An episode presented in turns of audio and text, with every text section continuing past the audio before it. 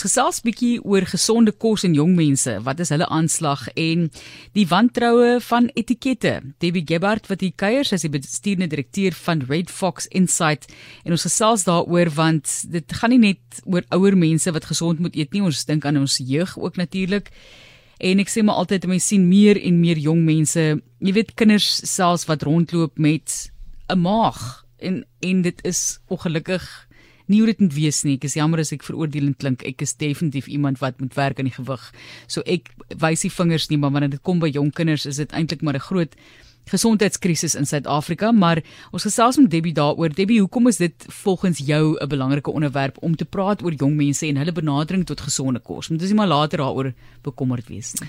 Nee, wat? Ek dink hoe vroeër 'n mens begin uh, leer oor die regte ehm um, inname van verskillende uh kossoorte wat die regte hoeveelheid kos is om in te neem. Ek dink hoe beter is dit en hoe makliker is dit om goeie ehm um, uh habits te vorm wat jy later kan implementeer in jou later jare. Ek dink veral omdat mense metabolisme so verander wanneer jy ouer word, raak dit al hoe harder om gewig te verloor.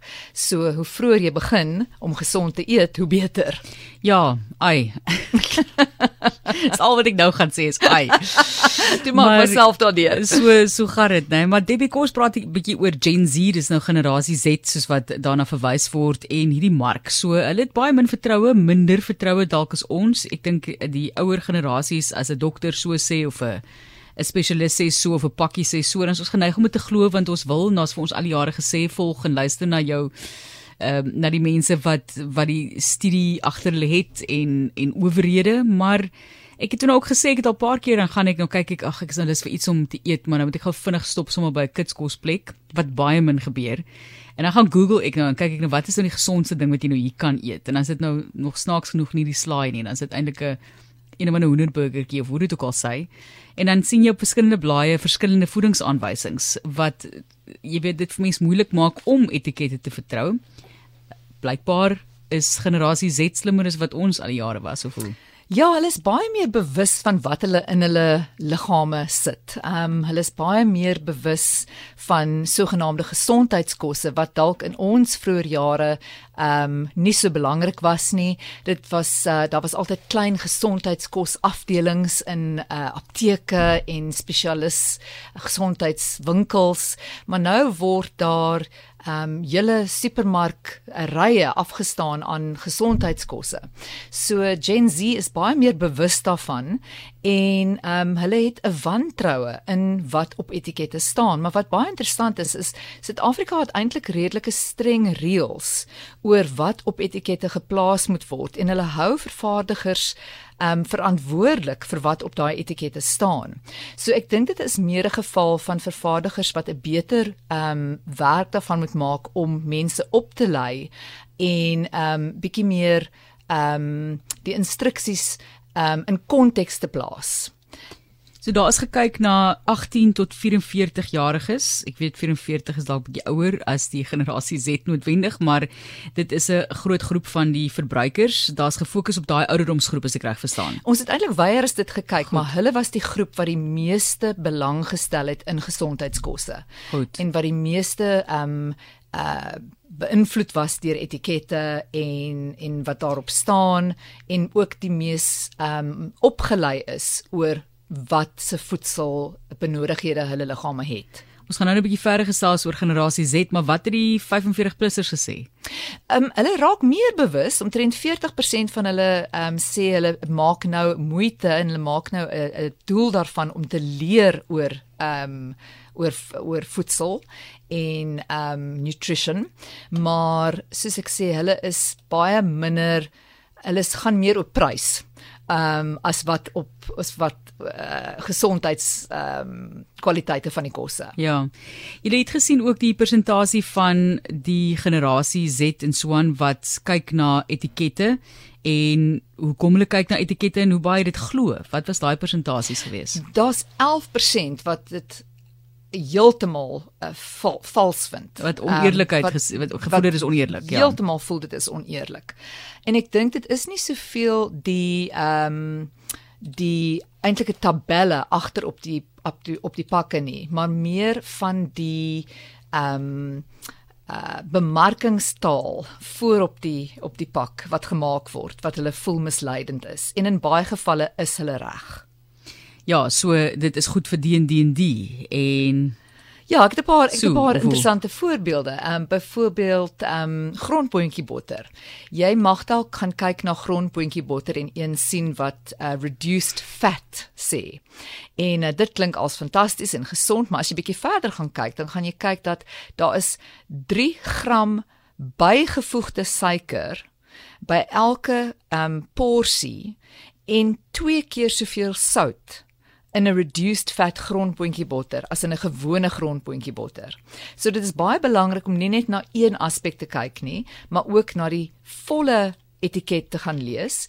En wat ook belangrik is, is om te kyk na die persentasies van ehm um, aanbevele ehm um, kwantiteite wat jy op 'n dag moet inneem want dit help partykeer dat mense dit beter verstaan waar die nommers op hulle eie nie noodwendig veel betekenis dra nie. Wat beteken dit vir die verskaffers? So jy's nou byvoorbeeld iemand wat nou luister en jy wil nou daardie mark benader of 'n produk aan hulle verskaf. Hoe moet hulle maak? Daardie mark is bereid om meer te betaal vir gesondheidsprodukte. So hulle is 'n baie goeie mark om te te op op op te mik um, vir bemarkers. En ek dink wat baie belangrik is is dat bemarkers rarig um, probeer uh autentiek en eerlik wees op hulle op hulle ehm um, bemarkingstaal wat hulle gebruik op die op die ehm um, op die verpakking. En ook dat hulle probeer om selfs vir mense op te lei oor wat is 'n gesonde eetplan? Wat is 'n gesonde inname vir jou vir die dag van byvoorbeeld koolhidrate of vette of suikers? Ehm um, want weer eens soos ek sê nommers op hulle eie maak nie altyd sin vir mense nie.